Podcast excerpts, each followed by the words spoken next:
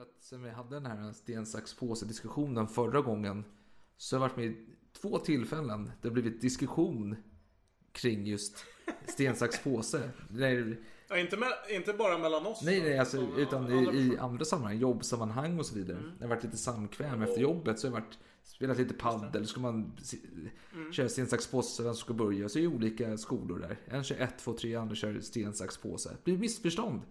Men jag vill minnas att du hade en väldigt stark uppfattning och var upprörd över att det fanns andra skolor. Nej, alltså... Nej? Alltså antingen kör du 1, 2, 3 och så visar du tecknet på trean. Eller kör du sten, sax, påse och då är du på fjärde. Men vi kom fram till att sten, sax, påse är den enklaste, mest intuitiva systemet. jag vet inte, det var du som tyckte att det var enklare. Eller? Jaha, det kanske bara var jag, ja. Med din Ja, motorik det- att göra att... Men, det var ju när jag skulle förklara för andra hur, hur systemet funkar. För de hade ju helt andra idéer. Nej, alltså... Personer i vår omgivning när vi skulle spela paddel. Jo, jo, jo alltså... Det ska tilläggas att de gångerna jag stött på detta problem senaste tiden har jag varit på paddelbanan. Dels med jobbet och dels med våra gemensamma vänner då vi körde en match. Men Problemet är att det är två skolor man är inte synkade kring om det är 1, 2, 3 eller sten, sax, påse. Det är där problemet uppstår helt enkelt. Man måste ha konsensus däremellan. Man måste, säger man så här, vi kör sten, sax, påse. Okej, kör vi 1, 2, 3 eller sten, sax, påse? Ja, då får man bestämma det liksom. Eh, innan så att alla är synkade. Helt enkelt. Men skit i det liksom. Länge sedan vi snackades vid. Mitt konunganamn skall vara Karl den sextonde Gustav. We shall never surrender. Allen Zeiten nicht die Mehrheit. Kom inte med en sån jävla provocerande och aggressiv ton mot mig. Där har våldet triumferat. Ask not what your country can do for you. Ask what you can do for your country. Ska vi verkligen öppna en till flaska? Ja, vad fan har du att välja mellan? Skål, ta mig fan. I have a dream. Ah, I see you look at your leader. And I too look to you, Paul Bauma. It's one small step for man. One giant leap for mankind. Och idag ska vi snacka om... eh, Ja, ska vi avslöja det redan nu Alex? Vad vi ska snacka om? Eh, Ja, det kan vi väl Nej, vi sparar lite på. Nej. Vi sparar lite på det. Nej. Men... Men vänta, vänta, du frågar mig men sen har du redan bestämt dig för Ja, vad som det är gäller. så det brukar vara. Det är väldigt odemokratiskt. Ja, jag är ingen stor demokrat ska jag tillägga. Nej, du, du, du är ingen vän av demokratier. Nej, nej. Ja. Det får... Kanske i fallet Ry- Ryssland-kriget här Jo. möjligen då, men i andra sammanhang nej. Precis, och sen ska vi tillägga att det- det är krig nu i Europa och eh, dramatiska scener utspelar sig. Och eh, jag vet, jag kan bara tala för mig själv, men jag vet att det sista jag gör innan jag somnar och det första jag gör när jag vaknar, det är att uppdatera mig kring hur det går. Och jag är otroligt imponerad utav Ukraina för lov att säga. Helt fascinerad är jag till och med. Ja, kanske blir ett avsnitt om Ukraina då. Kan, kan det vara någonting? Nej. nej, nej, det tror jag inte. Ska inte, vi ska inte överdriva. Nej, det, är det är många som har släppt så här avsnitt om Ukraina just nu, så det, det räcker. Jag, jag tänker så här. Vi, vi kan eh, vänta lite med att avslöja ämnet och kanske köra den här eh, bedrövliga leken som har dragit ut på tid alldeles för länge. Och om jag minns rätt nu så står det 10-10. Mm. Precis, Jag hoppas precis. att jag har rätt. Precis. Och att det är din tur att redogöra för eh, Mm. någon slags fråga här så får jag göra mitt bästa och besvara den.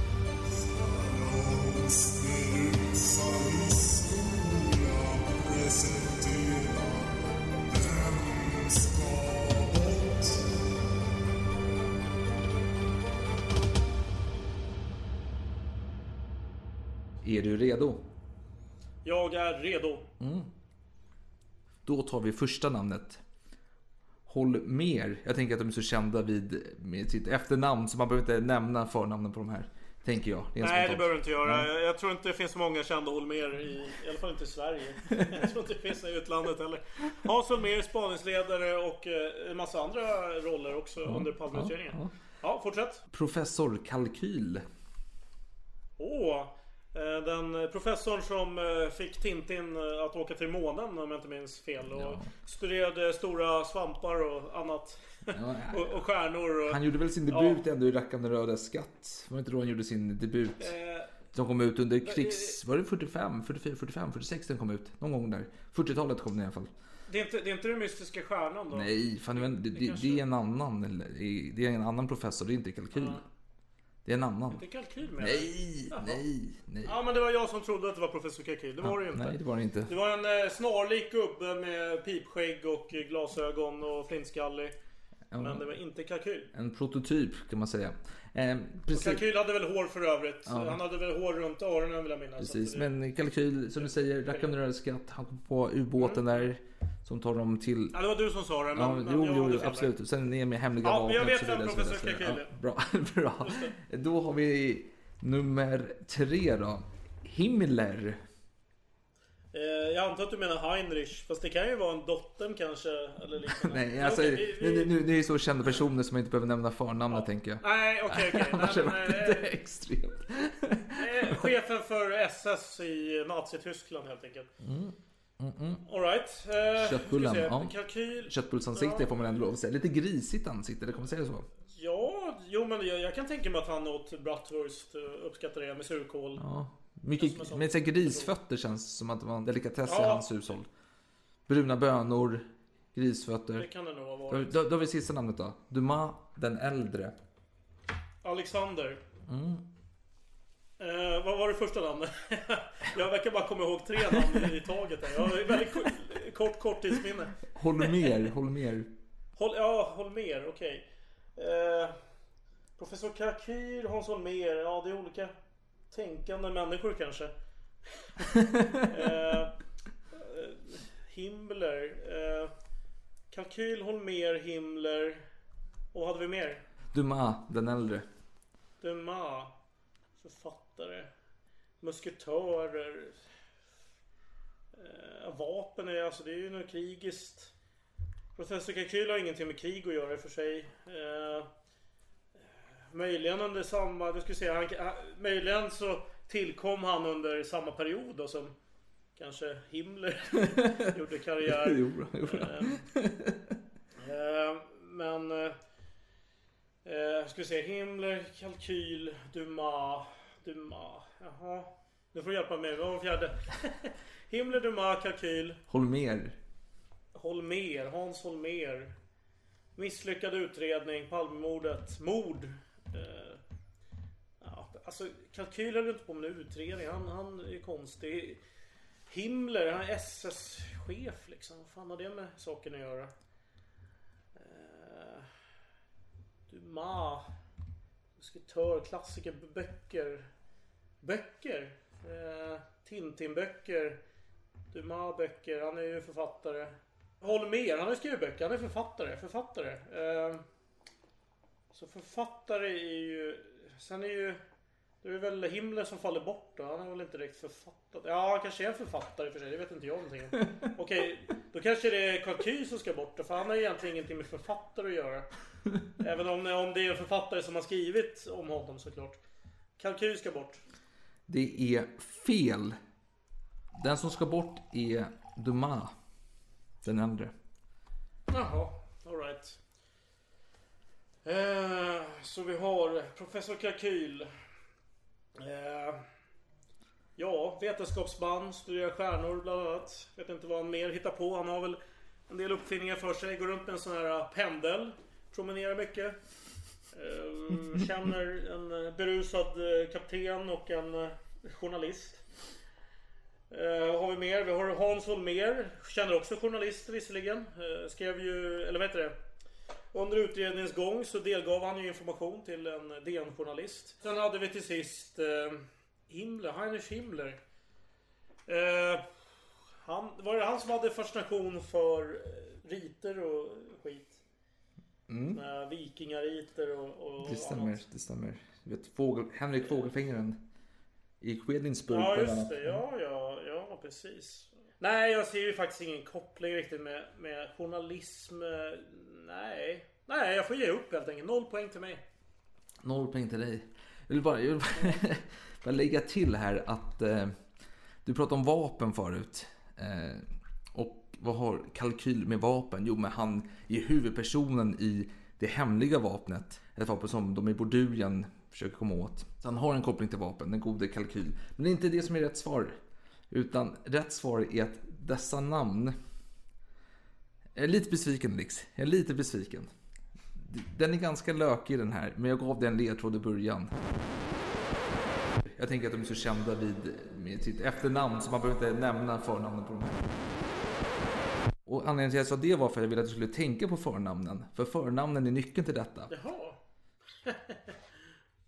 Hans och Heinrich och... Nej, vänta, är det någonting med H eller? nej, nej. Himmler, vad heter han i förnamn? Heinrich? Vad heter hon mer i förnamn? Hans? Och vad heter Kalkyl i förnamn? Karl Kalkyl. Precis, så samtliga namn är allitterationer. Helt enkelt.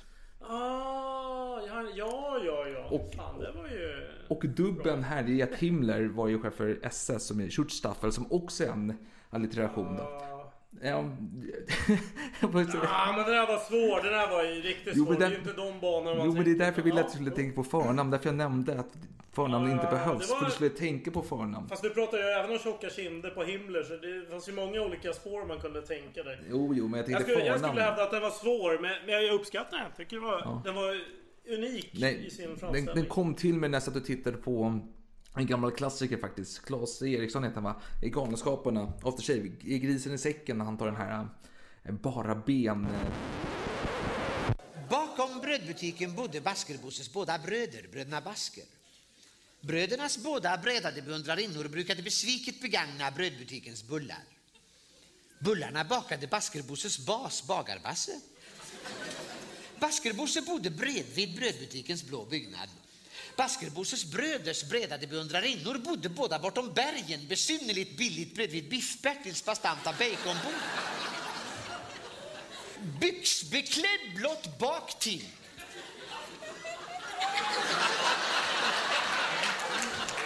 Beslöt Baskerbosse besöka Biff-Bertils baconbord. Bilen brummade bort bredvid belgiska bananbolagets blå byggnad. Bort bortom B-lagets bisarra basarer. Bort bortom brottarnas bökiga bryggor. Men så här Alex, för ett tag sedan, eller en gång per år så brukar jag göra sådana här eh, IQ-test på internet. För att bara se om jag... Jaha, förklara din eh, bakgrunden till varför du gör detta. Nej men det är bara för att jag vill se liksom hur, hur jag ligger till rent. Om jag blir eh, snabbare eller långsammare, trögare eller ja, smart inom citationstecken. Det är så här, när jag var ung så vågade jag inte göra IQ-test. För jag trodde att jag skulle få ett lågt resultat och vara allmänt korkad. Ja, det vill man ju inte ha. Nej, det vill man inte ha. Jag har en del kritik mot just IQ-tester generellt sett, men jag har ändå gjort dem. Och år så gick jag in på Mensa Sverige och gjorde så här provtest på internet. Då. Och så fick jag... Just Eh, Om ens är en sammanslutning för högintelligenta då. Precis, att man precis. behöver en viss poäng för att nå in. Och jag tror att det är, är det 130 eller något sånt där som krävs. 130 poäng. för att bli medlem, ja. Eller liknande. Ja, till man Ja, eh, topp 2% i Sverige och sånt Så- där. Ett inträdesprov helt enkelt. Precis. Och så gör man ett IQ-test på svenska Mensa-sidan, så här provtest då. Det är inte det riktiga testet, för det tar mycket längre tid och man börjar på plats och så vidare. Det tar 10 minuter ungefär, så gjorde jag det och så fick jag högsta resultat som man kunde få där. Då, då tänkte jag, men det var ju livet leker. Och så ville jag kunna skryta för dig då att jag fick det för att jävlas lite. För att du håller på med din vinutbildning som du har gått. Att du är någon sån här, vad det nu heter. WSET, är det du Ja pratar om, precis, eller? precis. Den där tramsgrejen. Som härligt, tusentals kronor för att gå den utbildningen. Men i alla fall, jag här, Kunskap är makt, kunskap är jag makt. så här att eh, jag tyckte det var lite, lite, lite jag, jag litar inte på det här svenska testet. Jag gjorde även det danska Mensa provtestet och det norska provtestet. Det vill säga att den danska, alltså det var som att man kom tillbaka till 90-talet med hemsidan och eh, hur det visuella kring själva testet. Och det gick, det var lite större test. Det tog väl 30-40 minuter någonting per test, tror jag det var. Och det gick lite sämre, men jag kom ändå, för jag övermjukt säga, över 120-strecket. Jag tror det var 122-124 poäng där, något sånt där. Eh, I Sverige var det 126 uppåt. Ja, de, de säger inte mer än 126 i Sverige. Och så tänkte jag så här, hur fan ska jag kunna skryta om detta i podden på något rimligt sätt? Jo, fan, vi gör ett avsnitt om IQ-testets historia, tänkte jag.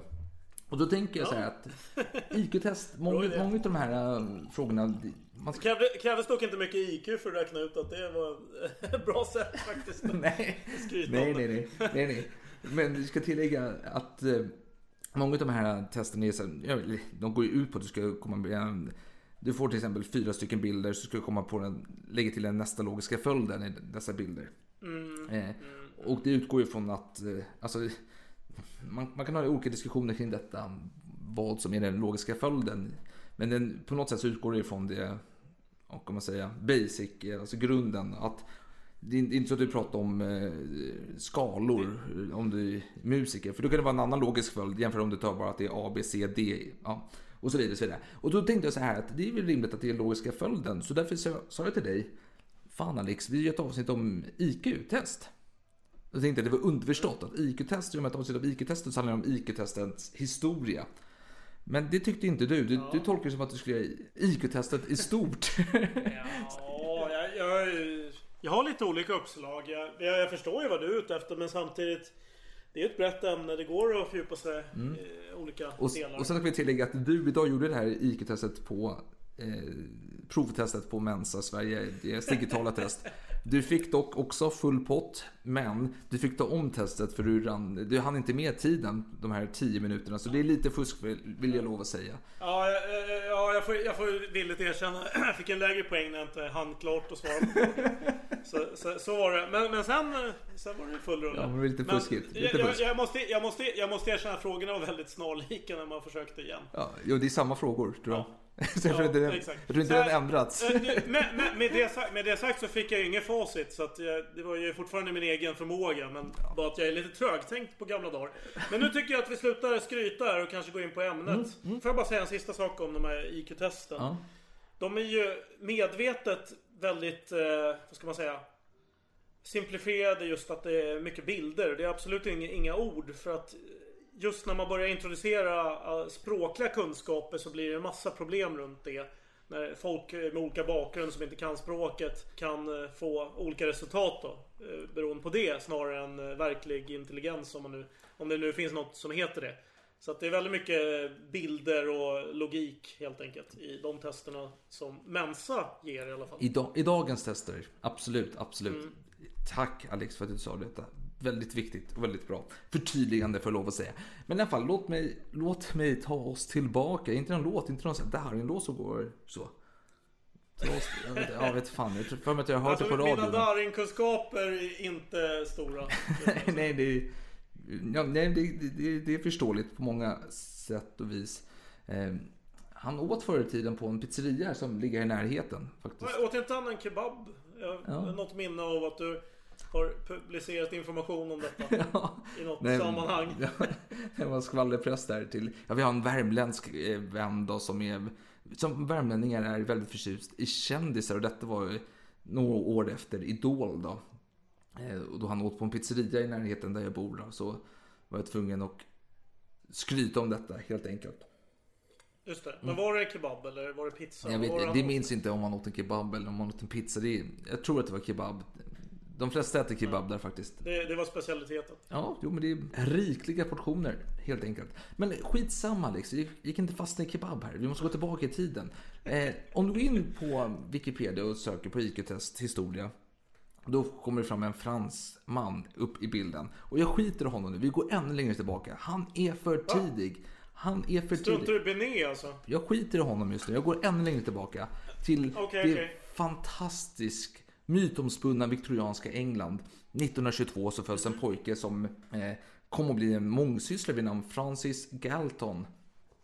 Francis kanske man säger på engelska, inte, det är inget franskt uttal det är engelskt. Francis! Eh, det, det, det är viktigt. Det är viktigt. Han var en... En liten paus här. Är- Är det fortfarande Viktorians 1922? Låter som att det kanske är efter. 1822? Eller lever de... Jaha, du sa 1822? Nej, jag kanske du sa 1922. 19. Nej, Jag menar 1822. Förlåt Alex, förlåt. Det var inte meningen. Jag får leva med den skammen att jag sa fel årtal eventuellt. Då. Men det ju såklart det är 1822 han föddes. Han var den yngsta utav barnaskaran på sju barn. Och han togs hand om sin 12 år äldre syster som var, ja, hon var invalid på grund av en ryggradssjukdom. Och hon började undervisa sin lillebror och han, det visade sig att han hade väldigt lätt för att lära sig.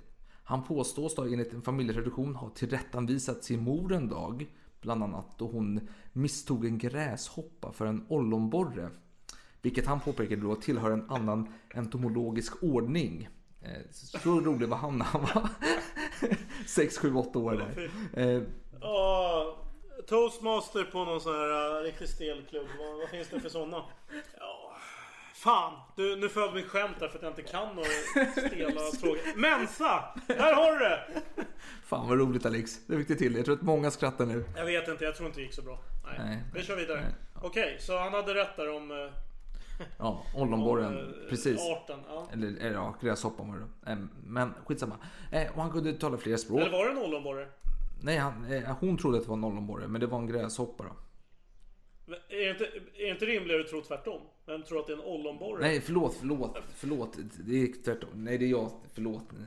Så här går det, så här går det när man har druckit ett glas för lite. Jag säger det, du ligger ett glas före mig Alex. Du är lite bättre skärpa. Men han kunde i alla fall flera språk. Latin, franska, engelska, tyska säkert. Jag, jag chansar med tyskan, jag vet inte. Men latin kunde i alla fall och franska. Så Gustav II Adolf alltså? Precis, ungefär lika väl lärd inom eh, lingvistiken då. Eh, och de språkliga kunskaperna. Och eh, han hade en förkärlek till matematiken och han var jävligt bra på det också. Han gick på massa fina skolor. Men sen kom han in på universitetet i Cambridge då. Och där gick, ja, han pluggade matematik helt enkelt. Men han föll ihop där, där han insåg att han inte var bäst i klassen längre. Det fanns många, många elever som var bra mycket bättre än honom själv. Och då sa hans far då, som var en eh, rik herre, som vars, eh, hans fars farfar då hade varit, eh, gjort tjänat många, stora pengar i vapentillverkning en gång i tiden. Då sa faren, hans far att men fan, gå tillbaka och plugga lite medicin. Vilket, ja men det är ett statusyrke då och statusyrke idag också för den delen. Vad var det han pluggade som failade så hårt? Då? Matematik, matematik, Så- matematik. Det var det han var Ja, intresserad ja, av. ja, ja. Mm. Mm. Jag får mig, jag får mig jag hörde om någon person som prompt skulle... Eh, hon letade efter en man som var läkare prompt. Det var det, var det viktigaste. Eh, Eh, nu, nej. pratar om dating nu? Ja, är i, i modern tid. Jag vill bara påstå att, eh, att läkare, medicin Ja, och är sånt. många delar av världen så är det det högsta. Ja, men det, det, det, Alltså, det är ett statusyrke. Asiater eh, så vill ju att man ska vara läkare. helst. Ja, och i alla amerikanska filmer och serier så är läkare någonting... En- Enligt, enligt memes Okej, det, det är där du Jag, jag har inte pratat med riktiga asiater utan ja, ja, men jag tycker att det funkar ganska bra. Hittills har det stämt ganska bra. Skitsamma. Eh, han vet inte riktigt vad han ska göra nu. Han, han vill inte plugga medicin. Han vill inte plugga matematik för han är inte bäst i klassen. Eller han är inte ens nära på att vara bäst i klassen. Är ganska långt ner. Så en dag så lyckas hans far dö. Och då får han ju ärva massa jävla pengar. Wow. Eh, och då blir man ju rik. Han är rikast i klassen. Ja, precis. Och då lämnar man universitetet och eh, som han själv senare, han summerade den här tiden och så sa han att han Eh, dök ner i djupa tankarnas värld och eh, han läste massa bra böcker och så vidare. Men eh, det han gjorde, han gjorde säkert det också, men det man, kan, det man vet att han gjorde det var att han bland annat åkte på lite så här grabbresor med sina vänner. Dels åkte han i, till Afrika och åkte längs Nilen då. Och även in till Vita Nilen då, som är en biflod till Nilen. Och då var faktiskt den svenskfödde upptäcktsresaren Charles Anderson med. Eller Charles Andersson kanske man kan säga. Eftersom att han, hans pappa var eh, britt och hans mor var svensk. Och han född i Sverige och så vidare. Så vi kan väl använda den svenska betoningen på namnet då. Eller det svenska uttalet på namnet Charles Andersson. Eh, Som, Borde vara Karl Andersson? nej, Charles. Charles. Vet, som Charles Berglund. Ja, okej. Charles. Vad heter, vad heter pappan då i efternamn? Nej, Lloyd, Lloyd, Brogg, något sånt där skit. Eh, Så, så han borde vara Carl Lloyd Brugg. Ja, jag vet Kanske. inte fan alltså. Jag vet inte fan. Nej, vi kör på Charles Andersson. Kör på! Ja, och det, han åkte runt i hela Europa och festade ganska mycket på den tiden, sägs det. Och det var för att hans pappa dog och han har massa pengar. Precis. Eh, det... Man åker på lite Ja. så här värstingresor då liksom. Man tar med sig polarna från Cambridge och super lite och... St- st- vad heter det? Vad kallas det då? Den stora turen liksom som Ja, ja, Le Grand Tour. farsen gjorde. Ja, ja, ja. ja. Precis. Precis. Fast lite mindre ädel. Precis. Jag är lite, Han åker inte till Paris längre. nej, jag är lite besviken på dig igen, Alex. När jag säger att de åker på en värstingresa längst ner Nilen så hoppas jag i mitt hjärta att du ska ta en referens till Agatha Ja, Christies jag Döden på Nilen. Ja, ja, ja, jo, jag var, jag var inne på det. Men jag, sen började tankarna gå åt andra håll. Men absolut, jag tänkte fråga just det. Ja, men är en sån här äh, härlig båtresa som ja, Döden på Nilen i Poirot. Ja, ja. En eh, favorit. Eh, Senaste filmen är inte en favorit. Ja, men det, det, ja, jag förstår. De här nya skitsakerna är inte, eller filmerna, jag vill inte säga jätteroliga kanske. inte riktigt samma Det grej. saknas ju karaktärsskådespelare, det är det som är Ja, problemet. visst är det så. Visst är det så. Men i alla fall, vår goda Francis här då. Några år senare gick han med i det Kungliga Geografiska Sällskapet. Han åtog sig en ny resa ner till afrikanska kontinenten.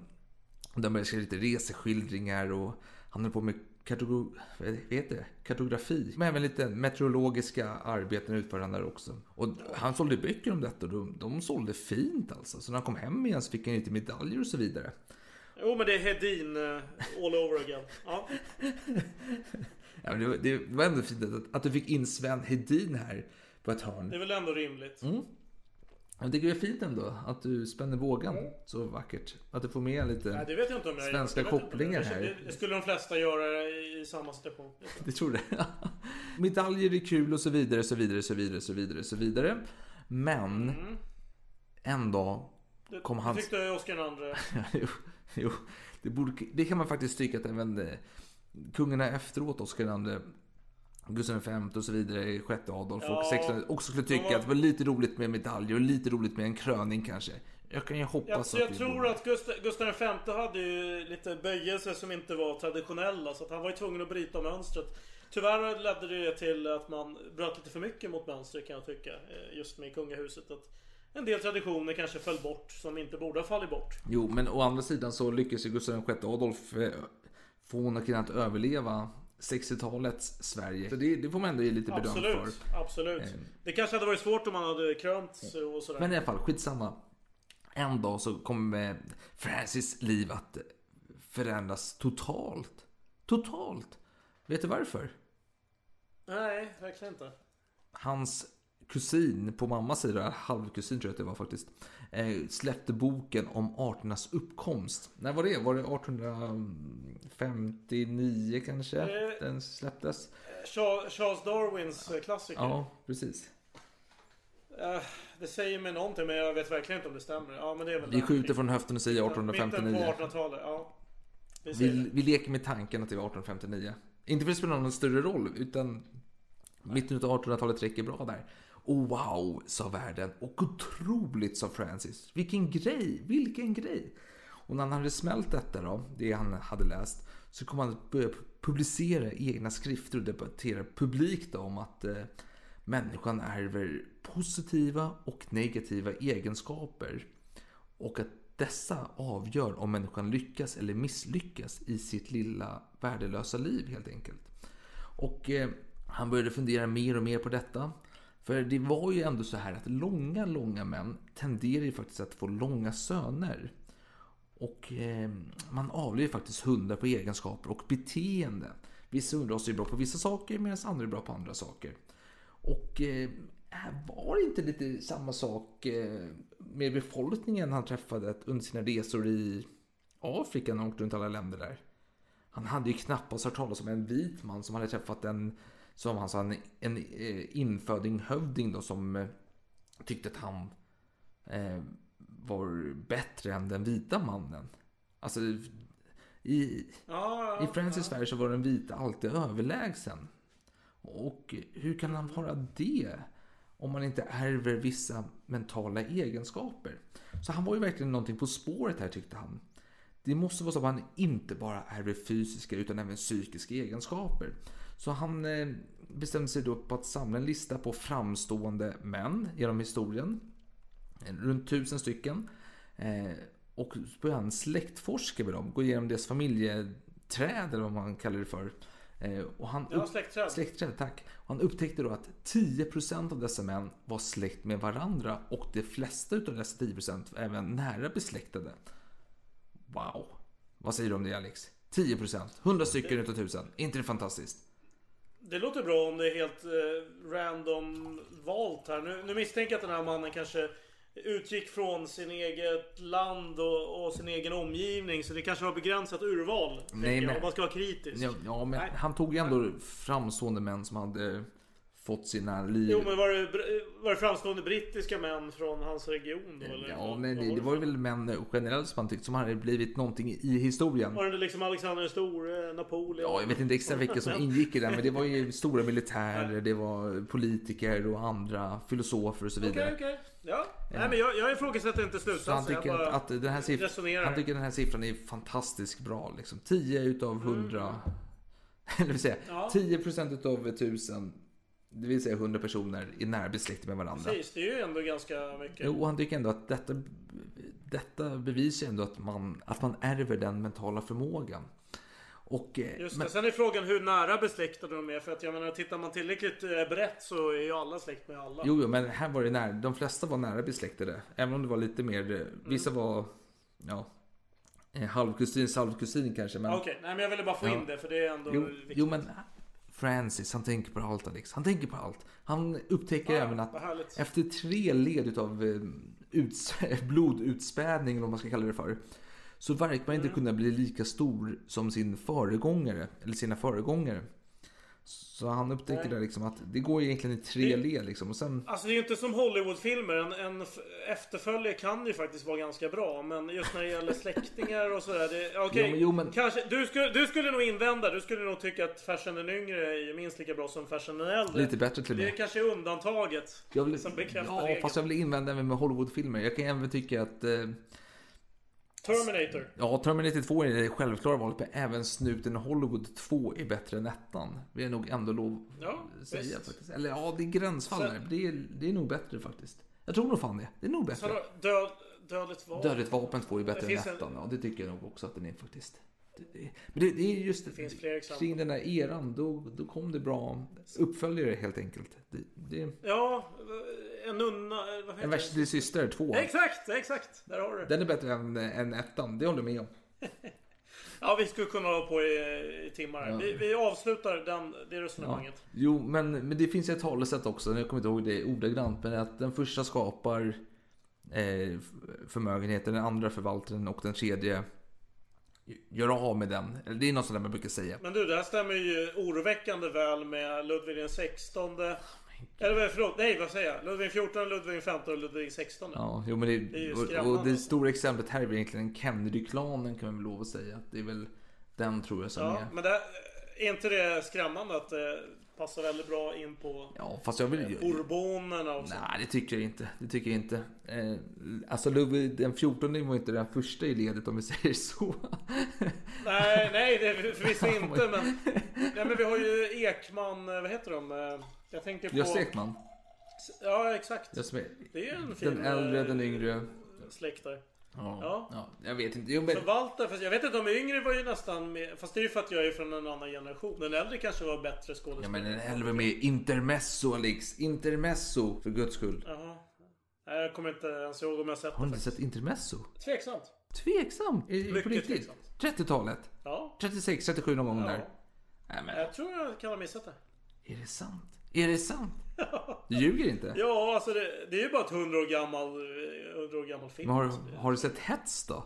Jag måste bara kolla här. Ja, det tror jag att jag har sett. Alf Kjellin. Men jag Alf har Kjellin. ingen, ah, ja, men jag, namn eh, vet jag inte. Men uh, Hets, det är ju Bergman. Jo, jo då, absolut. Och Alf Kjellin då, han, han kommer även att regissera massa The Waltons avsnitt framöver också. Fantastisk. Ja, eh, alltså du är, du är Hollywood-konnässören här, eller vad ska man säga? Ja. Filmkonnässören. Ja, vi, vi kanske ska avrunda även detta sidospår känner jag. Vi, har så oerhört mycket att prata om, men jag känner att vi bara pratar om sidospår hittills. Så det är kanske dags att komma till pudens kärna, eller vad säger Absolut, du? absolut. För det är så här, det vill komma så här med utspädning av blod och så vidare. Han upptäcker mönster, han ser mönster här. Han är en mångsysslare. Vi får nämna att Francis, alltså, han är inte en eh, vem som helst. Alltså, han är ändå en matematiker, kartograf, meteorolog. eh, Han uppfinner, han har även någon så här tidig variant utav, eh, vad fan hette det jävla programmet som fanns för typ 20 år sedan? Snyggast.se var det, var det så? När man skulle bedöma, för Ja, ja det, det är en kvarleva. Ja, det, det finns väl inte längre antar jag. Han skulle ta reda på vilka, vilka delar i England då som var vackrast, eller, eller hade vackrast kvinnor. Så han gjorde en mackapär så han kunde ha i fickan. Så när han gick runt på stan och träffade och hälsade på damer så kunde han klicka göra märken på den här grejen då. Så Om de var, var det uppåt var de jätteattraktiva, var neråt var de inte attraktiva. Sidan lite... Han, okej. han gjorde, okej förlåt, men eh, han gjorde en slags heatmap för snygghet. Mm. Är det det du försöker säga? Mer eller mindre. Han kom fram till att London var de vackraste och sen var det någon annan håla så de var... Men det är för att det finns många där. Ja, men, jo, Alltså, jo, jo, det kan man ju säga. Jag tror det var kanske, kanske, jag skjuter från höften här med Aberdeen, eller sådär skotsk ställe som de var inte lika vackra, helt enkelt. Tyckte han då. Väldigt subjektiv bedömning, det är inte något så här objektiv forskning utan det är mer eh, liksom, Nej, alltså man vet ju att en del har ju lite udda preferenser som, eh, var? Eh, jag tänker på Henrik den fjärde, han hade ju de där eh, systrarna. Han gick ju på... Nej, det var Ludvig den femtonde för guds skull. Var det verkligen Ja, fem? Men vad gjorde femtonde inte Henrik, den fjärde gjorde väl också det? Nej men, men Alex, Alex, du tänker på dem vi pratade om va? I, Ja, eh, jo, ja, ja, absolut, absolut. I, eh, vilket avsnitt var det? Vilket avsnitt var det? Vilket avsnitt var det? Var det eh, eh, Hor i hovet avsnittet? Hor i hovet. Ja, kan det ha varit. Ja, absolut. Ja. Jo, jo, nej men alltså det finns ju flera fall av detta. Det är inte bara Ludvig den femtonde. Det var andra som också höll till med samma typ Precis, av men det var, men det var ju systrarna de Marly som vi pratade om då. Ja, det, Eh, det är mycket möjligt. Pauline, men jag- Marie, Nu vet jag inte om det är det, ja. precis just det som jag tänker på. Det kan ha varit något annat med Henrik den fjärde. Men jag, jag har förmodligen fel. Så det var säkert Ludvig den femtonde. Vi kör på Det, det. det var det nog garanterat. Kaxigt sagt. Ibland får man vara lite kaxig. När det kommer Alltså till... franska kungar eh, är ju inte pryda om man säger så. Nej, och, och du blir lite jakobinsk av det. Så jag, jag, känner, jag känner mig säker när jag pratar om franska kungar med dig. Att, att jag har lite bättre koll där på just den biten. Eh, Men i alla fall, i alla fall. Eh, men då, om vi ska återgå då till frågan Ja, till här. Francis Underwood där, eller vad var det? Francis någonting. Ja, få- höra nu. Ja, det ja, förlåt. House of ja. House of Cards. Ja, ja, jo, men du sa ju aldrig efternamnet så jag är ju tvungen att Francis fylla i. Galton. Francis, G-A-L-T. ja, Galton. Ja, ja, ja. ja, ja. Men i alla fall, då som idag så är den stora frågan vad är miljö och vad är arv? Och Francis tänkte mycket på detta och han kom fram till att svaret är arv såklart. Som motivering använde han det amerikanska folket i allmänhet och de brittiska genierna i synnerhet. För det skiljer väldigt mycket mellan amerikaner och britter rent miljömässigt. Eh, och även en del utbildningsmässigt. Eh, amerikanerna är bra på att utbilda medelklassen och de, lägre klasserna jämfört med engelsmännen. Men eh, britterna, de slår amerikanerna när det kommer till litteratur, filosofi och konst och så vidare. Samt, Alltså överklassen. Ja, samt som amerikanerna ska läsa högklassig litteratur så är det alltid brittiska författare de läser, påstår han. Och amerikanerna, de är förvisso många och bra på att skriva nyhetsartiklar och sådana här lite lägre stående form utav litteratur. Men när det kommer till hög klass så är britterna bättre. Därför måste det vara genetiskt betingat helt enkelt. Eh, och han tyckte även att eh, man måste avla på det framstående för att få en eh, smart befolkning helt enkelt. Man kan inte sitta och avla på massa kriminella och lösdrivande folk här som har lågt eh, eh, mental förmåga. Utan det är de själv... Är de, Så det var någon slags, eh, så han hade, var någon här tidig förespråkare för rashygien? Eh, Jo precis, för han kommer fram med sin egna lilla eugenik i alla fall och det är då att det ska vara ren... Ja, det är någon grekisk eh, sammansatt mellan latin och grekiska. Eh, det är någonting med rent fött och det ska vara ja, lite rashygieniskt eh, tänk om man säger så. Att det ska vara den, den smartaste och renaste formen som man ska avla på helt enkelt. Just det. Och, och varför har den här Francis eh, tankar överlevt eh, till våra dagar? Vad, vad gör honom så framstående då? Med hans eh, högst ovetenskapliga eh, fälttest eller fältstudier då. Där han går runt och heatmappar snygga kvinnor. Nu, nu måste du faktiskt försöka redogöra för varför han eh, överhuvudtaget tas på allvar. Jo, för det är så här. För han kom med en briljant idé för att göra sin eh, eugenikiska eh, lösning helt enkelt.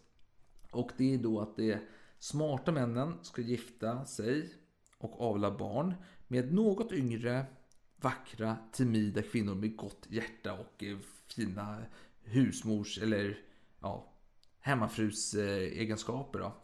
Och för detta skulle de få en summa på 5000 pund, som är en stor siffra på den här tiden, samt en bra ställning i samhället. Och de skulle få gifta sig i Westminster Abbey. Och inte bara det, Alltså man kan tycka att 5000 är mycket, man kan tycka att det är en bra ställning i samhället, det är värt mycket. Men det finns en detalj han tänker som triumferar allting helt enkelt. Och vad kan det vara tror du Alex? Vad kan det vara? Vad kan vara grädden på tårtan? Vad kan vara chateauneuf efter pappflaskan på en sangfemskväll med familjen? Ja, det ju vara en adelstitel då. Nej, något ännu bättre. Nej. Bruden. Bruden. Brudens far 2 är förresten bättre än Brudens far 1 får jag lov att säga. Med Steve Martin där. Steve Martin. Steve, Du, Steve Martin är för övrigt med i Mensa tydligen. Är det sant? Ja, till. Ja. Arnold Schwarzenegger också. Konstigt Ja, varför inte? Varför inte? Ja, varför inte? Men fall, Varför inte? eh, bruden ska överlämnas utav drottningen själv, tänker han. Victoria. Ja, går hon med på detta? Nej, alltså han kommer ju aldrig så Det är hans idealsamhälle. Då. Men problemet han upptäcker, det är så att de han undersökte, de här tusen personerna, de är oftast medelålders män eller äldre än så. Så eh, man måste identifiera dessa människor när det är yngre så att man kan selektera ut de bästa och avla, avla, avla, avla, avla på dessa bästa individer helt enkelt. Så han utformar Okej. ett mentalt test för detta. Så du menar att eh, exemplaren var alldeles för gamla och overila för att eh, avla på helt enkelt? Man behöver lite... Ja, man behöver upptäcka dem tidigare. Det är det det, är det. Precis, precis. Jag Och det tar, det tar sin tid att bli framgångsrik om man säger så. Alltså, du, får Jo, inte visst. du får inte en biografi skriven om dig när du är 20 år gammal. Nej, I- du får, du, du får ju Nobelpriset när du är 90 liksom. Du får Precis, inte när men, du är men, 30. men jag upptäckte när jag sa detta att denna liknelsen följer lite grann. För i, i dagens läge skriver ju alla människor en biografi om sig själva när de är typ 20 år. Alltså, det, vet du de här, Du, de här du pratar danska... om idolmänniskor. Jo men vad heter de? Marcus Martinus, Martinus, heter de så? Jag vet inte ens vem det är. Nej men det är så här, två danska bröder som var någon sån här popkarriär för förskolebarn. De skrev någon, Ja, någon eh, självbiografi när de var 12 år någonting. Alltså, ja, vad fan. Ja, men, ja, men, alltså, i, i, ja, men vi har väl den här eh, Jockiboi vad han heter. Han har väl också skrivit en... Jockiboi, ja. eh, Från... eh, Vad fan, Paradise Hotel eller sån skit. Nej, Jag har, ju fan, nej, nej. jag har inte själv sett Kungen av Tylösand, kungen av Tylösand. Kungen av Tylösand. För dig är det en skillnad, för mig är det typ samma typ Ja, av för du, för du är så fransk, gillar högkultur, Men- bla bla bla. kan, Visst. Nej, nej, nej. Men kan, kan, kan du berätta lite om Jockiboi för eh, oss som inte vet? Nej men han, han var väl, eh, nej, han drack väl på ganska Varför bra. är han känd? Nej men han var med i Kungen över Tylösand. eh, För det programmet tror jag inte går längre. Nej, nej, det, var, det hade typ en säsong. Det skulle vara någon sån här Jersey Shore kopia fast i Sverige då. Eh, Men, men de höll på, hade lite strul där efteråt med ja, med knark och, Och det, och så det handlar om bara party liksom. Ja, precis. Men sen efteråt det har han väl gjort en karriär. Han gifte sig med någon, Jonna kanske hon heter, Jonna Lundell, ja, något sånt där. De har en massa program tillsammans. eh, Men nu är också ett sidospår vi hamnar på här. Helt Ja, jag vet. Det, det blir lätt så. Det blir lätt så. Även Mm. när man fördjupar sig i ämnet så blir det en massa sidospår. Det kommer ni snart märka när vi väl kommer in på ämnet lite djupare. Ja, Men eh, kör på med din, eh, vad, Ja, vad heter. Jockiboi eller vad heter han? Eh, Francis. han. Ja, Precis. Francis. Gelton. Var han britt eller jänkare? Snälla, Britt, berätta. såklart så var han britt. Britt, Född just det. 1822 så jag för guds skull. Lyssnar du inte Alex? Lyssnar du inte? Jo, men med halvt öra. jag erkänna. Ja. Kör på. I alla fall. eh, För att eh, han snickrade på sitt mentala test då. Och eh, 1884 så var det dags för Londons världshälsoutställning. Och då hade han ett bås där då. Eller monter kan man kanske kalla det för. Eh, Där han skulle utföra de här mentala testerna på folk. Och det var lång kö, det var lång kö, det var lång kö. Alla ville gå och testa sig där hos honom. Och... eh, Vad kunde man få för resultat då? Om man stod i den här kön? Vad kan Nej. man, kunde man hoppas på? Ingenting tror jag. Alltså, för han skrev bara Nähä. en massa... Han samlade bara massa jävla data helt enkelt. Så, så man fick ingenting för det? Vad fan står man i kö för? Får man pengar? Får man glass? Får Nej, man ingenting. Man får inte ett skit. Nej, vad är det för skit? Jag ska inte stå i kö för det här eländet. Nej, men... Men okej. Det fanns inte så mycket att göra på den tiden kanske. Nej, alltså underhållningen var medioker. Det var lite menagerier och lite... Man fick Det var Sara. Bernhardt kanske. I bästa fall. Det är både jag, det är jag som skrattar och det är jag som hostar för att jag satt ha, eh, vin i halsen här. Eh, Det var ett skämt. Sara Bernhard skulle vara den enda underhållningen. Men, eh, ja. Jo, men- Men i alla fall, testen gick ut på att man mätte deras kroppsdelar. Man, han noterade Ja. deras Kan, du, reaktionsförmåga. kan du fördjupa dig i vilka kroppsdelar som Nej men dels mätte han eh, långfingret på vänster hand. Han mätte ja, men bicep, nackar, rygg, hals, eh, lår, ben. Alltså, han mätte allt han kunde mäta. Helt enkelt. Eh, han mätte deras hörsel, deras reaktionsförmåga. Eh, han... Eh, ja, han eh, höll på att de fick titta in i en så här... Vad heter det? Man tittade, tittade in så här... åh, Kommer ihåg när man var liten, det en sån här leksak alltid. Det var så olika Eh, spegel... Vad fan heter de? Jag har tappat ordet Alex, jag har tappat ordet. De här spegelsakerna, du vet. eh, Du tittar in så är det olika... Det heter någonting Ja, speciellt. jag tror, jag tror jag vet vad du menar men... Ja men det är så här olika det? former där Det är inne. Det är olika så här... Ja, ja, jag förstår vad du menar. Vad fan- vad heter ja, det? vad kallas det? Kan det vara kaleidoskop Ja, kanske? så heter det nog. Kaleidoskop. Fan, det måste vara rätt. Det låter rätt i alla fall. Det är så man tittar in. Jag tror att det är ungefär en sån liknande grej han har här. Men då har han smugit in lite så här bibelverser på sidan som man ska notera då. Och sen har han även Francis då, den gode Francis. Har det även, eh, man ska upptäcka olika nyanser utav grönt som man tar på olika tyger då. Så man ska kunna se vad som är vad helt enkelt. Eh, och han har även en övning där man ska slå rakt fram på en vadderad stålstolpe. Och till hans stora förvåning så upptäcker han att många missar den här vadderingen på stolpen och slår snett och träffar stålstolpen. Vilket resulterar i att de får skador på händerna och den här stolpen går sönder. Så det här låter som ett otroligt primitivt test som man håller på med. Det känns inte så du- jättevetenskapligt Du, han hållit på i flera månader med att ta fram alla de här Ja, sakerna. Det finns människor som håller på i flera månader med allt möjligt skit som inte är värt att skriva om. Skulle jag säga. Precis, och hans tankar, vad fan testar inte så här, inte IQ-test som vi känner till idag, utan detta är mer eh, naturliga förmågor, alltså att du ska kunna röra dig och ja, men, lyfta på benet och göra Ja, så- rimliga eh, färdigheter. Mm. Och hans tanke var då att naturliga förmågor, eller färdigheter om du vill kalla det för, speglar de mentala förmågorna. Är du snabb och bra, har du bra reaktionsförmåga, kan du röra din kropp väl, kan du se de olika gröna nyanserna, kan du höra ljud från långt bort. För man fick någon sån här cylinder och så man hör när han la någon sån här penny 10 meter bort liksom, ungefär. Kan du det så, okej. så har du en bra mental förmåga. Han, Men- tänker att det är ganska enkelt. Helt enkelt. Antingen är man smart och är bra på allt eller så är man dum och kan Men, ja, men världen var ganska svart och vit. Eller världen var inte det, men jämfört med idag så kanske det fanns lite färre nyanser på paletten helt enkelt. Eh, Men, ja, Ja, med tanke på att det inte fanns något system för det så är det väl ganska rimligt. ja, men precis, precis, precis. Han mätte det mesta, men en sak mätte han inte, vilket han senare sa att han kanske borde ha mätt, men han gjorde inte det. Och det var huvudet.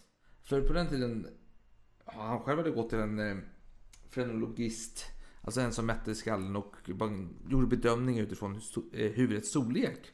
Eh, hur väl man skulle lyckas i världen helt enkelt. Och I hans ungdom när han gick på Cambridge universitetet där då, så har han gått till en frenologist som sa att ja, men du är inte så jävla smart. Liksom. Du, du, du kan hålla dig borta från det intellektuella samhället. Men trots detta, för det var ju så att Francis hade ett ganska litet huvud helt enkelt. Mm. Men han var ju ändå ganska smart. Han var ju mångsysslare helt enkelt. Jag kan förstå utifrån den primitiva verklighet som var på den tiden att man gjorde någon slags koppling mellan huvudet och eh, hjärnans kapacitet. För att jag menar, intelligensen fanns ju i hjärnan, det visste man. Och eh, ja, ett större huvud borde ju betyda större intellekt. Det är väl logiskt kan man Det- tänka, tycka. Ja, men absolut, absolut. Och eh, ska tilläggas är ju liksom att eh, han var ju en mångsysslare, den gode Francis. Eh, förutom det vi har nämnt så har han, han gjorde väl, tror jag, den första brittiska väderkartan och så vidare. Så han, han var ju uppenbarligen intellektuell. Och eh, ja, han kunde skriva tala för sig på ett hyggligt och relativt framstående sätt. Han var ju han var ju där uppe, han borde ha ett större huvud helt enkelt. Han borde ha ett stor jävla skalle. Men det hade han inte, han hade en liten skalle. Han hade en Ja. liten gässa. Och han tänkte och tänkte och tänkte. Det måste finnas en rimlig förklaring till detta. För det var ju så att de här tusen männen han hade undersökt i sin första släktträdsstudier. Då. Ja, men de hade ju stora skallar. Typ alla. Ja, hade de? Okej. Mer, mer eller mindre liksom. Det var ju rimligt. För det är som du säger. Är du smart så har du stor skalle. Men han kom fram till en förklaring till slut. En rimlig förklaring. En högst rimlig Jag förklaring. är mest förvånad över att, att den tilläts mäta deras skallar och att de alla levde, de här fantastiska människorna. Nej men alltså de är ju beryktade att ha stora skallar. Om vi säger så. Jaha, Alltså, okej. Alla vet ju liksom att Ja, ja, ja. De hade säkert stora skallar. Jag har inte mätt det själv, men det, det är säkert därför. Jo men vi alla vet att Axel von Fersen hade en stor skalle liksom. Han var smart liksom. Ja men det är rimligt. Vad va, vad sa du? Kortskalle? eller? Nej, Napoleon var kortskalle. Det var det, det jag hörde. Ja. Men precis. Okej, men, men han kom fram till en rimlig slutsats och det var då att skallen, eller huvudet, gässan, samarbetar med andra förmågor som ger en helhet. Men huvudet själv är inte avgörandet. Så man kan säga så här, om, om jag tolkar detta rätt så är det då att ett stort huvud ökar chansen till framgång. Men det är inte en huvudingrediens. Jag bara ser framför mig hur min vinflaska här är tom. Och jag tänker... Du, du vet du vad? Det här är jävligt kul. Jag, jag är faktiskt på väg till köket här för att byta ut min tomma vinflaska mot någon öl eller liknande. Det är ju vältajmat där får jag säga. Ska vi ta en liten eh, paus här?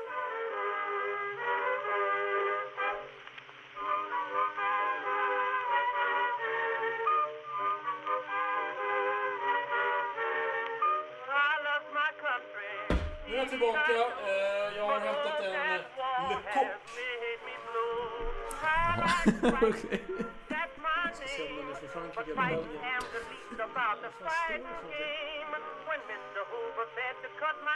Lettland. Jaha, det är som fan det. är Fransmans eller belgare som bosatt sig där. Varför inte? Jo, men jag tänker så här, dricker man lager hemma så vi, Alltså jag är, är allergisk mot att dricka ur ett glas. Jag vill halsa från flaskan i en, en Som burk, blaskig. så att... Eh, vad gör man med en burk liksom? Ja, men burk är inte hals. Nej fan, häll upp ett glas. Vem Exakt. köper ens är burkar liksom? Vem köper ens burk? Jag är Glasflaskor. under Glasflaskor. dietrestriktioner. Ja men jag, jag, absolut, jag håller med dig. Men, jag köper, är köper, du, under köper du, vissa- vänta, vänta, vänta. Köper du vinflaskor på burk också? Jag, jag, jag tolkar den här frågan som en förolämpning. Nej det gör jag faktiskt inte. Men i alla fall, låt mig återgå till Francis. Francis, kan, vi, kan vi avsluta Francis? Jag känner att vi har pratat om Francis Vi kommer till slutet på Francis eh, Ja, gärning helt härligt. enkelt. Vad härligt.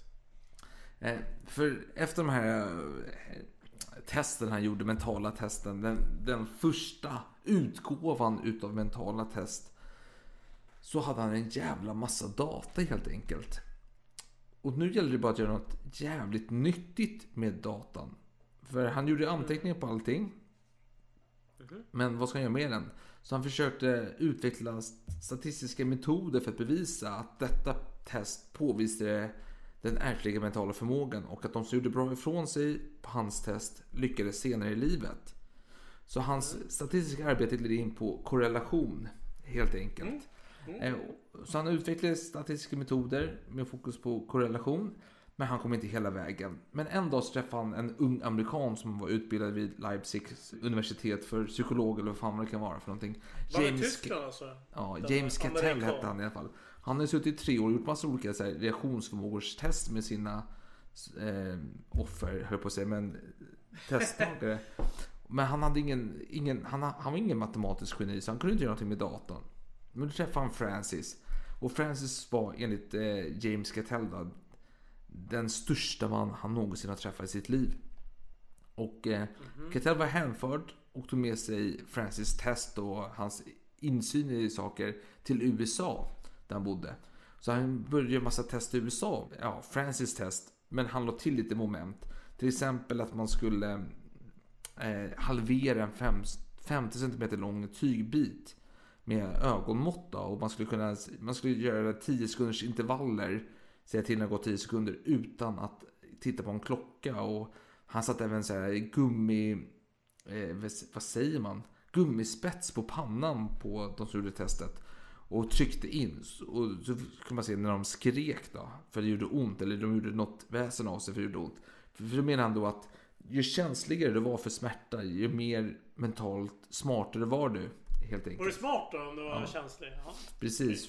Ja, men det här låter som en väldigt primitiva tester. Det är svårt att följa vad du säger här med när man trycker en massa plast i Jo. folks ögon och grejer.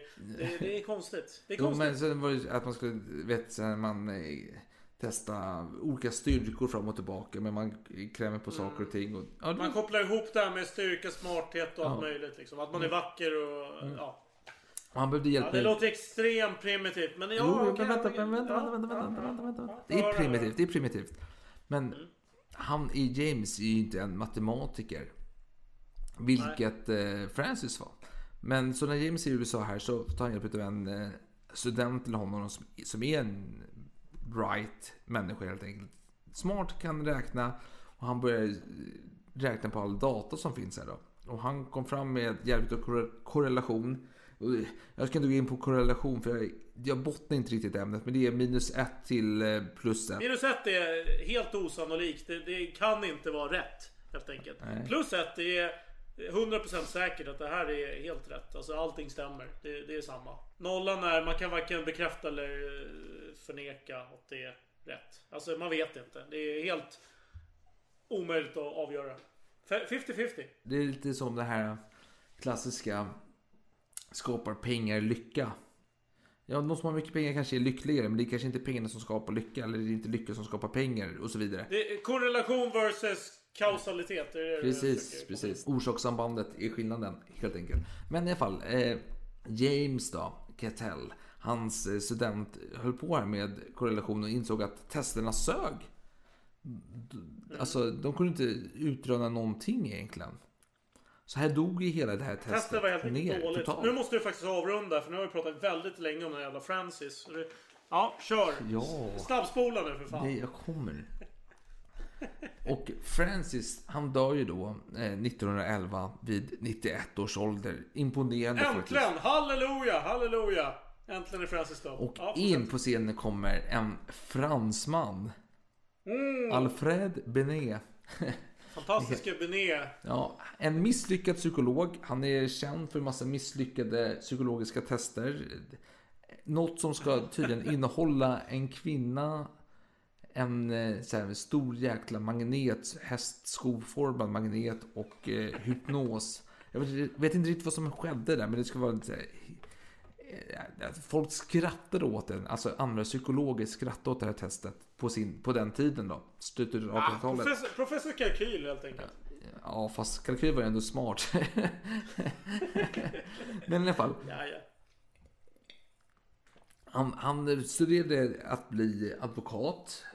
Men det var, han, han passade inte för det. Så han gick inte i psykologiska ämnena helt enkelt.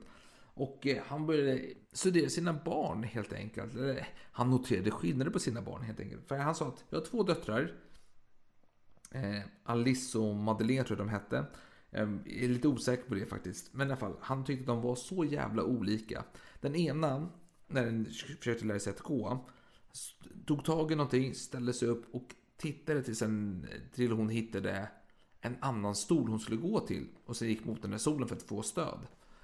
Eh, Den andra dottern ställde sig upp och bara gick ut mot intet och ramlade. Så de hade olika taktiker. Liksom. Den ena tänkte på konsekvenser, den andra tänkte inte alls på det. Så han insåg att det är fan skillnader på mina barn trots allt. Så han började Var de lite... lika, men de var inte lika gamla så det är lite svårt att jämföra. Jo, men, men vadå lika... Skärp dig Alex. Han, han jämför med de, den åldern. Säg att den ena är Ja. fem, den andra är två. Så tänker jag så här, när, när den som är fem år var två Mm. år, eller ja, inte två år. När den, den som var fem var ett år, då gjorde den si och så. När den som är Vad du säger är år, att han gjorde vetenskapliga studier egentligen med sina barn. För det är kanske ingenting man lägger märke till om man är förälder. Man bara har fullt upp med att jag tror, nog att, jag tror att många föräldrar lägger märke till skillnader på sina barn i deras eh, I utveckling. olika ålder, i, i månader och... Aha. Ja, gud, ja, gud. Jag tror att det är många som sitter och tänker. Tänk på att det här är, det här är tidigt 1900-tal. Ja men det är alltså, fortfarande kanske- idag. Alltså, du tänker så här att när ska ett barn börja krypa? Och när börjar de prata om det? Hur många jag, ord ska jag de tänker kunna? att föräldrar, föräldrar kanske utvecklas. De, de lär sig av sina misstag och nästa barn kanske är lättare att hantera. Nej men, of, och, nej men oftast är det så att man, första barnet är man jävligt, eh, då kokar man varje jävla napp inför varje gång man stoppar in den i truten på ungen. Och sen vid barn nummer tre och fyra, då skiter man i. Så då kommer man tappa nappen Exakt, i koblaj och bara stoppa in i munnen på ungen direkt. Det är därför jag tänker att det är svårt att jämföra. Nej, nej men jag okej, tror, vi- jo, fast man tror, jag tror man ser skillnaden på personligheter och eh, hur de agerar och vad de gör. Trots allt, ganska tydligt, även idag. Men i alla fall, låt oss inte fastna här. Han gör massa tester på sina barn. Ja. Eh, och eh, ja, men, reaktionsförmåga och så vidare. Och han kommer fram till att hans barn Jag vill bara säga att det är väldigt svårt att jämföra de här barnen när det är liksom kanske ett år emellan. Då måste man ju först göra testerna på det tidigare barnet och sen ett år senare exakt samma tester med nästa barn. Jo, Så men- det, det krävs ju ändå lite förbehåll. Alltså man är lite... Men lite som eh, en annan eh, franskklingande namnet Jean Piaget då, som är schweizare faktiskt, som är utvecklingspsykologins stora affischpojke kan man säga. Påverkat mycket i, i, i utvecklingsteorier också. Vi har fortfarande BVC mycket med Jean Piaget då.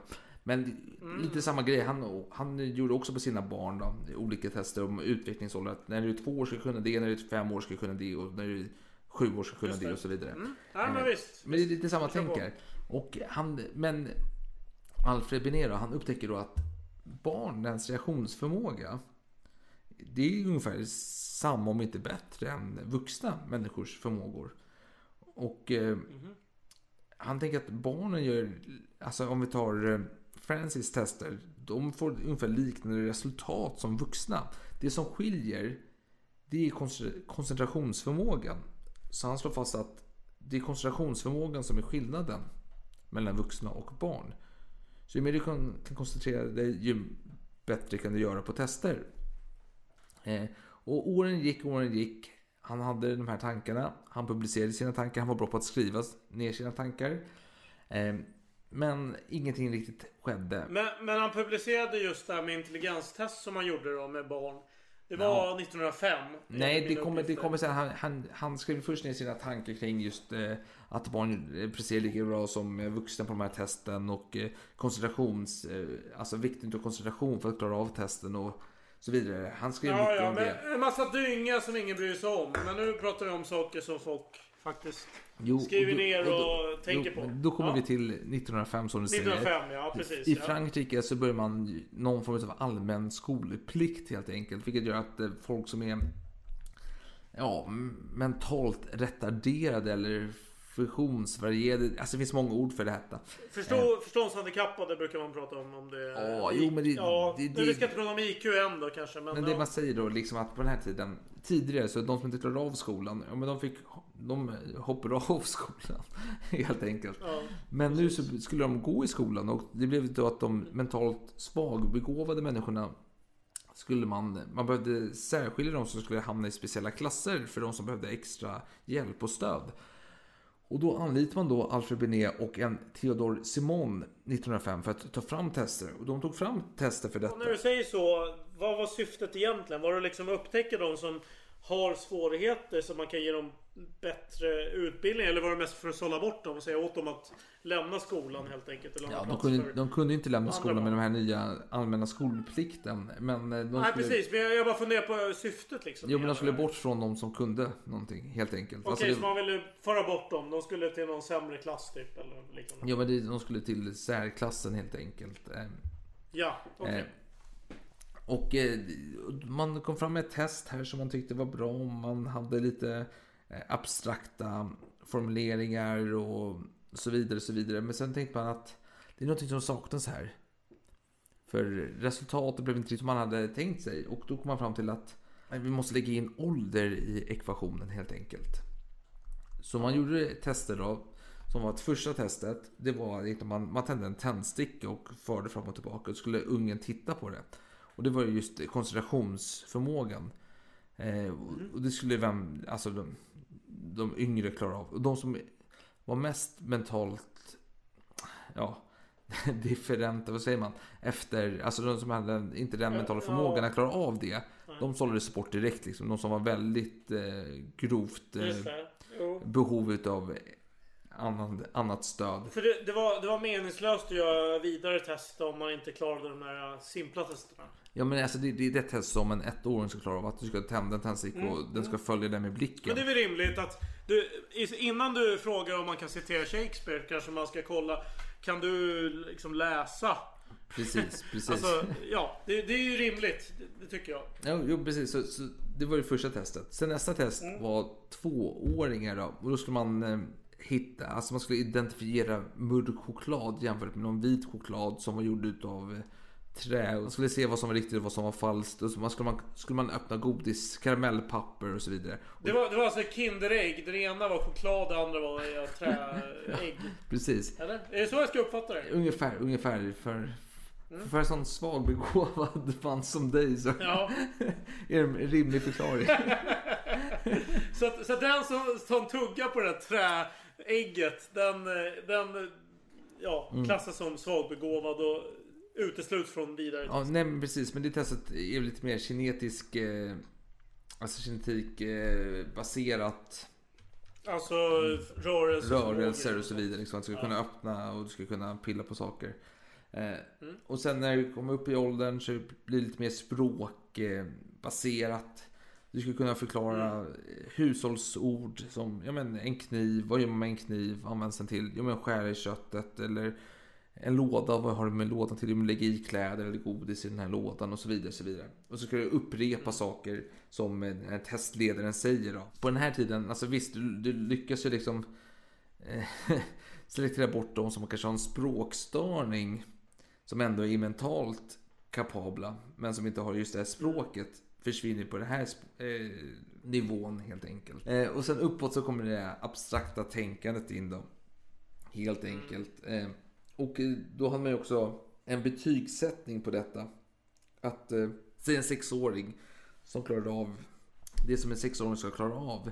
Men även säg fyra frågor utav de som en sjuåring ska klara av. Den fick eh, 6,4 i slutresultat. Och då tyckte en Alfred och Benet att ja, detta var lite väl matematiskt seriöst för vad det egentligen är. Han, han blev lite, Mm. lite, lite rädd liksom för vad som eh, händer här. Eh, och det ska tilläggas att eh, några år senare så kom det en amerikansk psykolog som åkte till Europa. Han träffade inte Alfred Benet. Eh, andra kollegor und- sa så här, träffa inte Alfred, han, han, han, han, han är inte speciellt bra liksom. Men den här eh, amerikanska psykologen fick, kom i alla fall över ett, eh, en kopia i Belgien över Alfred Benets eh, tester. Som han tog med till USA. Och han Mm. översatte det och eh, använde det på sin och fick in det ja, det är slut med lite möda och stort besvär in i det amerikanska medvetandet att man ska använda dessa tester. Och dessa tester kommer att användas även, förfinade skalor kom med de här resultatsatserna 175, 100, 125, 150 uppåt som vi använder idag Kommer med tiden då. Och man använder det även i militären och, det, och så vidare. Och här tänkte jag att vi skulle avsluta avsnittet. I min värld Nej men gud det. nej, gud nej, gud nej, gud Jag har precis börjat här.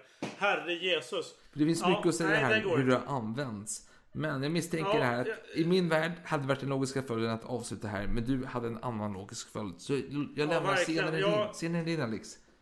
Ja, tack så mycket, tack så mycket. Nej men först och främst så ska jag tillägga att Binet dog eh, 1911. Så det var ju inte så jättemånga år efter att eh, det här första intelligenstestet skapades.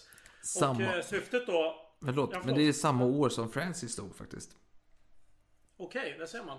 Eh, och syftet av Binet var ju mer att eh, han ville se den mentala åldern på barn egentligen. Och eh, om ett barn till exempel är fyra år gammal och presterar på en åttaårings nivå enligt hans eh, tester då. Eh, då ska det här barnet få en IQ på 200. Och som du säger det här med siffror är jag kanske inte så säker på. Så att eh, just att en IQ på 200 det är inte det han är ute efter utan han är mer ute efter att upptäcka barn som är eftersatta. Om de behöver extra stöd och liknande. Så att, eh, bara för att ta till exempel. Har man en ungdom som är 16 år gammal och presterar på en 8-åringsnivå då får de en IQ på 50. Så att normen är ju 100. Det är det som eh, genomsnittsintelligensen ligger på. Enligt de här testerna. Eh, och det som han inte hade kontroll över eftersom han var död. Det var ju just att de här intelligenstesterna skulle användas i bredare syften. Alltså även för vuxna. Och för att sätta en exakt nivå på någons intelligens. Det var inte det som var syftet. Det var ju mer för att upptäcka problem med att ja men du, ju, du behöver ju extra stöd här. Du presterar ju inte på den nivå som du ska prestera på enligt eh, statistiken. Och det här spårade kanske ur då. Om man tänker på sammanslutningar som till exempel Mensa. Där det är en viss poäng som krävs då för att man ska bli medlem. Men vi behöver inte gå in så mycket på, på just det kanske. Eh, Men jag tänker att vi kan tänka lite vidare kring just det här med intelligens. Eh, Just vad är intelligens? Och då har vi det amerikanska psykologförbundet eh, förkortat APA. Jag vet inte om man ska Ska jag skratta åt det? Men eh, 1995 då så eh, definierade de intelligens som citat att förstå komplexa idéer, att anpassa sig effektivt till omgivningen, att lära sig av erfarenheter, att engagera sig i olika former av resonemang, att överkomma hinder genom att tänka. Och det här måste man ha lite med sig när man just tänker kring det här med intelligenstester. Det måste ju fånga upp alla de här eh, olika perspektiven egentligen. För att verkligen kunna klassas som ett generellt intelligenstest. Och eh, samtidigt som Benet forskade kring det här med barn och vad de kunde prestera. Så fanns det en psykolog som heter Charles Spearman. Som parallellt då i tidigt 1900-tal han var verksam inom eh, skolan, skolsystemet då och kunde se att en del elever de presterade väl oavsett vilket ämne det är. Så det, det var ämnen som var helt orelaterade till varandra. Men de fick ändå liknande betyg. Och det är ju intressant att hur kommer det sig? Och eh, då kom man fram till att ja men det finns någon okänd faktor här, en eh, G-faktor. Kom man fram till då som förklarade detta. Och det det var en förkortning för generell intelligens. Och det här var alltså år 1904. Ja, Och eh, sen dess har man då försökt eh, beskriva det här G-faktorn. Vad är det för någonting? Jo, men det är en kombination av att man har ett eh, flytande resonemang. Det vill säga man har flexibelt tänkande för att lösa problem. Man har eh, dels en, någon slags eh, grundkunskap. Man har något kvantitativt resonerande. Att man kan lösa problem med siffror. Man har även en visuellt spatialt processande. Det vill säga man kan tolka och manipulera visuell information. Så som att liksom eh, sätta ihop ett pussel till exempel. Och sen har man någon form av arbetsminne. Eh, att på... Alltså man har någon slags korttidsminne för att repetera en lista av saker som man nyligen har eh, sett någonting av. Så att en, en hög, ett högt G-värde det är ju en, eh, en kombination av höga värden av alla de här eh, komponenterna kan man säga. Så att det, det här är ju lite till grunden då vad som har skett med just IQ-forskningen sedan dess. Eh, För sen dess har man ju liksom satt ihop olika typer av system för att eh, sätta en poäng då på intelligens. Och eh, 100 är ju då grunden. Det är ju medelvärdet egentligen för alla människor i världen. Eh, Men man har noterat att den här IQn, alltså samma typ av test. Du kanske genomför testen 1930 och så genomför du idag. Och då kommer det visa sig att eh, testresultaten idag är mycket högre än de var 1930. Och då har man eh, myntat ett begrepp som heter Flynn-effekten. Som är att eh, den här IQ den stiger för varje decennium. Mellan 3 till 7 poäng ungefär. Och man vet inte riktigt varför. Men det, så är det. Och det har ju visat sig stämma fram till kanske ungefär 70-talet just i västvärlden. För där har det ju liksom stagnerat. Det har ju inte gått upp något mer så mycket. Det har ju verkligen minskat i värde i alla fall. Och, och det här är ju, det är ju frågor som väcks då. Hur funkar det här med IQ? Eh, och det här med eh, just IQ kan man koppla till välstånd kanske i, i världen. Det, är väl, det finns väl ändå ganska rimlig koppling på något sätt. Att Eh, om man är smart då, då eh, lever man lite bättre än den som inte är lika smart. Jag tänker stenålderssamhälle där den som är stendum kanske inte ens eh, tänker tanken att de ska behöva jaga för att få mat. Medan den som är lite smartare inser att ja, men jag kan inte bara sitta här och dö liksom. Utan jag måste ut och jaga. Och eh, man har ju resonerat kring det här just med välstånd i världen. Eh, I de olika regionerna i världen sedan typ 1700-talet. Så har ju eh, massa olika teorier. Klimatteorin om Montesquieu. Någon tanke om att eh, just i modererat klimat, typ Europa, så är det lite mer gynnsamt att klara sig jämfört med mer extrema klimat. Det finns så här eh, eh, som en diskussion i USA förr för tiden om kalla och varma eh, judar. Det vill säga att eh, det är judar som levde i kyligare klimat gjorde bättre på IQ-test än vad eh, de som levde i varma klimat gjorde, som var judar. Och då vill man få det att det var en överlevnadsinstinkt att de som levde i kalla klimat var tvungna att tänka till lite för att överleva. Och det, detta gjorde då att de blev lite mer ja, smartare när det kom till IQ-test. Är det lite det Montesquieu Ja. är ute efter här? Jag tror det. Jag tror att man försöker hitta en förklaring till varför västvärlden har klarat sig så bra jämfört med andra regioner. Och framförallt kanske kontra Afrika. Asien har ju en lite speciell historia så det är svårt att kanske jämföra olika tidsperioder. Nej men sen har du moderniseringsteorin. Hur, alltså den tekniska utvecklingen, hur den kan påverka. Eh, och eh, det, det finns massa andra teorier. Psykologiska teorin av Weber och McClelland. Och kulturteorin och beroendeteorin. Det vill säga att eh, eh, när du har eh, några, en välutvecklad region då blir de här eftersatta regionerna beroende av den välutvecklade och kommer aldrig ifatt.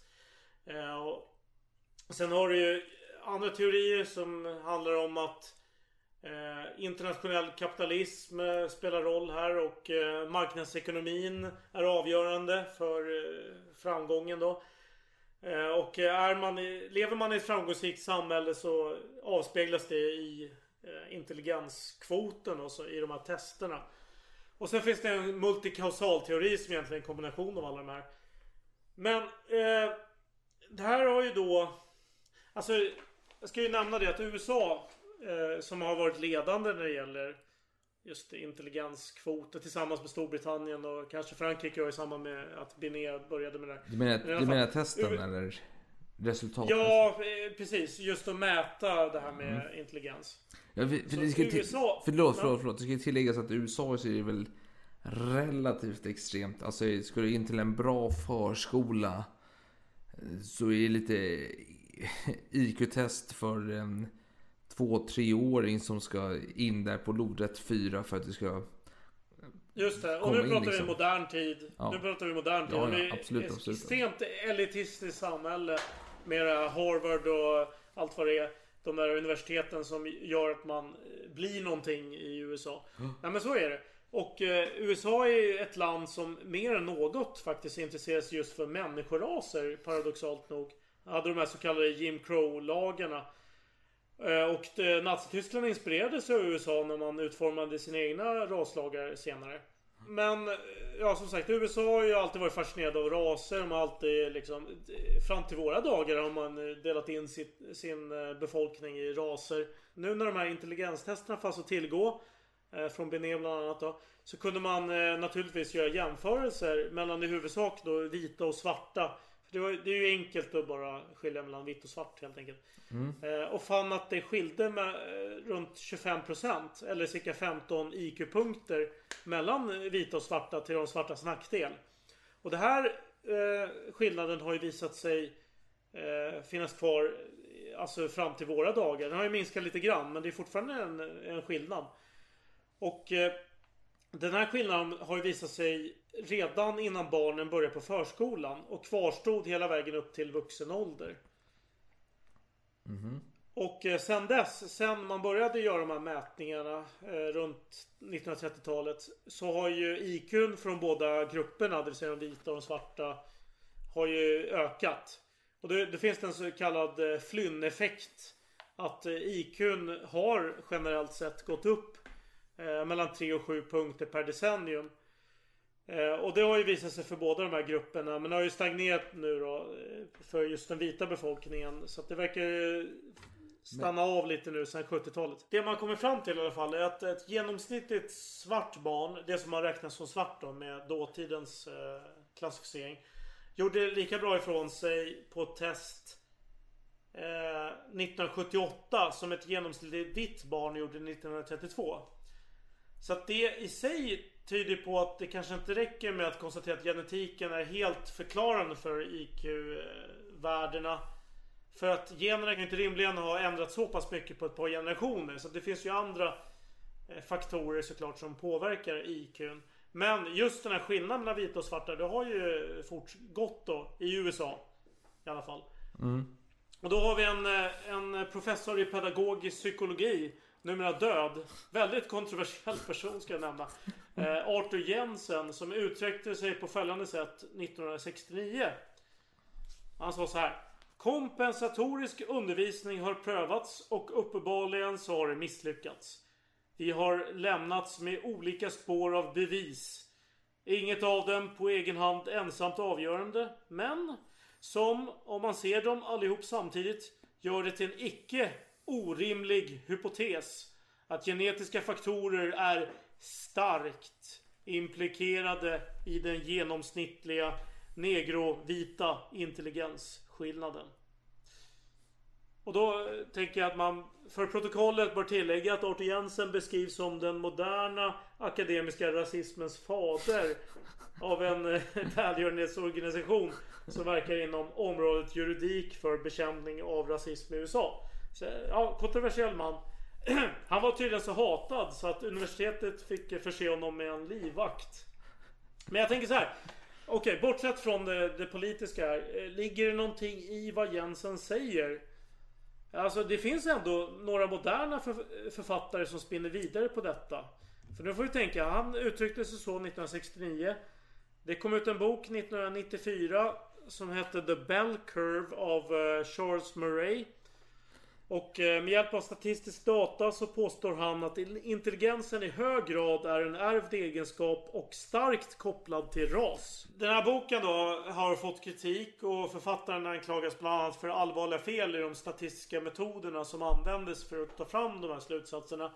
Och eh, mina uppgifter säger att eh, författaren aldrig bemötte de här anklagelserna och det är ju Det ligger ju lite i fatet då hos författaren. Men sen dess har det även skrivits andra böcker. Då har vi IQ and the Wealth of Nations. Som skrevs 2002 och eh, det kom senare en uppföljare 2006 som hette IQ and Global Inequality. Och då var det bland annat en finländare som på något sätt är släkt med någon eh, finländsk statsminister eller liknande. Eh, Jag kommer inte ihåg kopplingarna direkt. Och det är inte direkt intressant. Men i alla fall. Vad, vad, de, här vad de här författarna eh, säger är att miljöfaktorer såsom hälsa, välstånd, utbildningsnivå och så vidare. De påverkar eh, de här intelligenstestresultaten. Men att det finns en stor genetisk påverkan. Och då har man som huvudargument för detta påstående tre olika eh, argument egentligen. Det ena är att eh, fem olika tvillingstudier som visar på liknande IQ trots eh, de tvillingarnas olika uppväxt.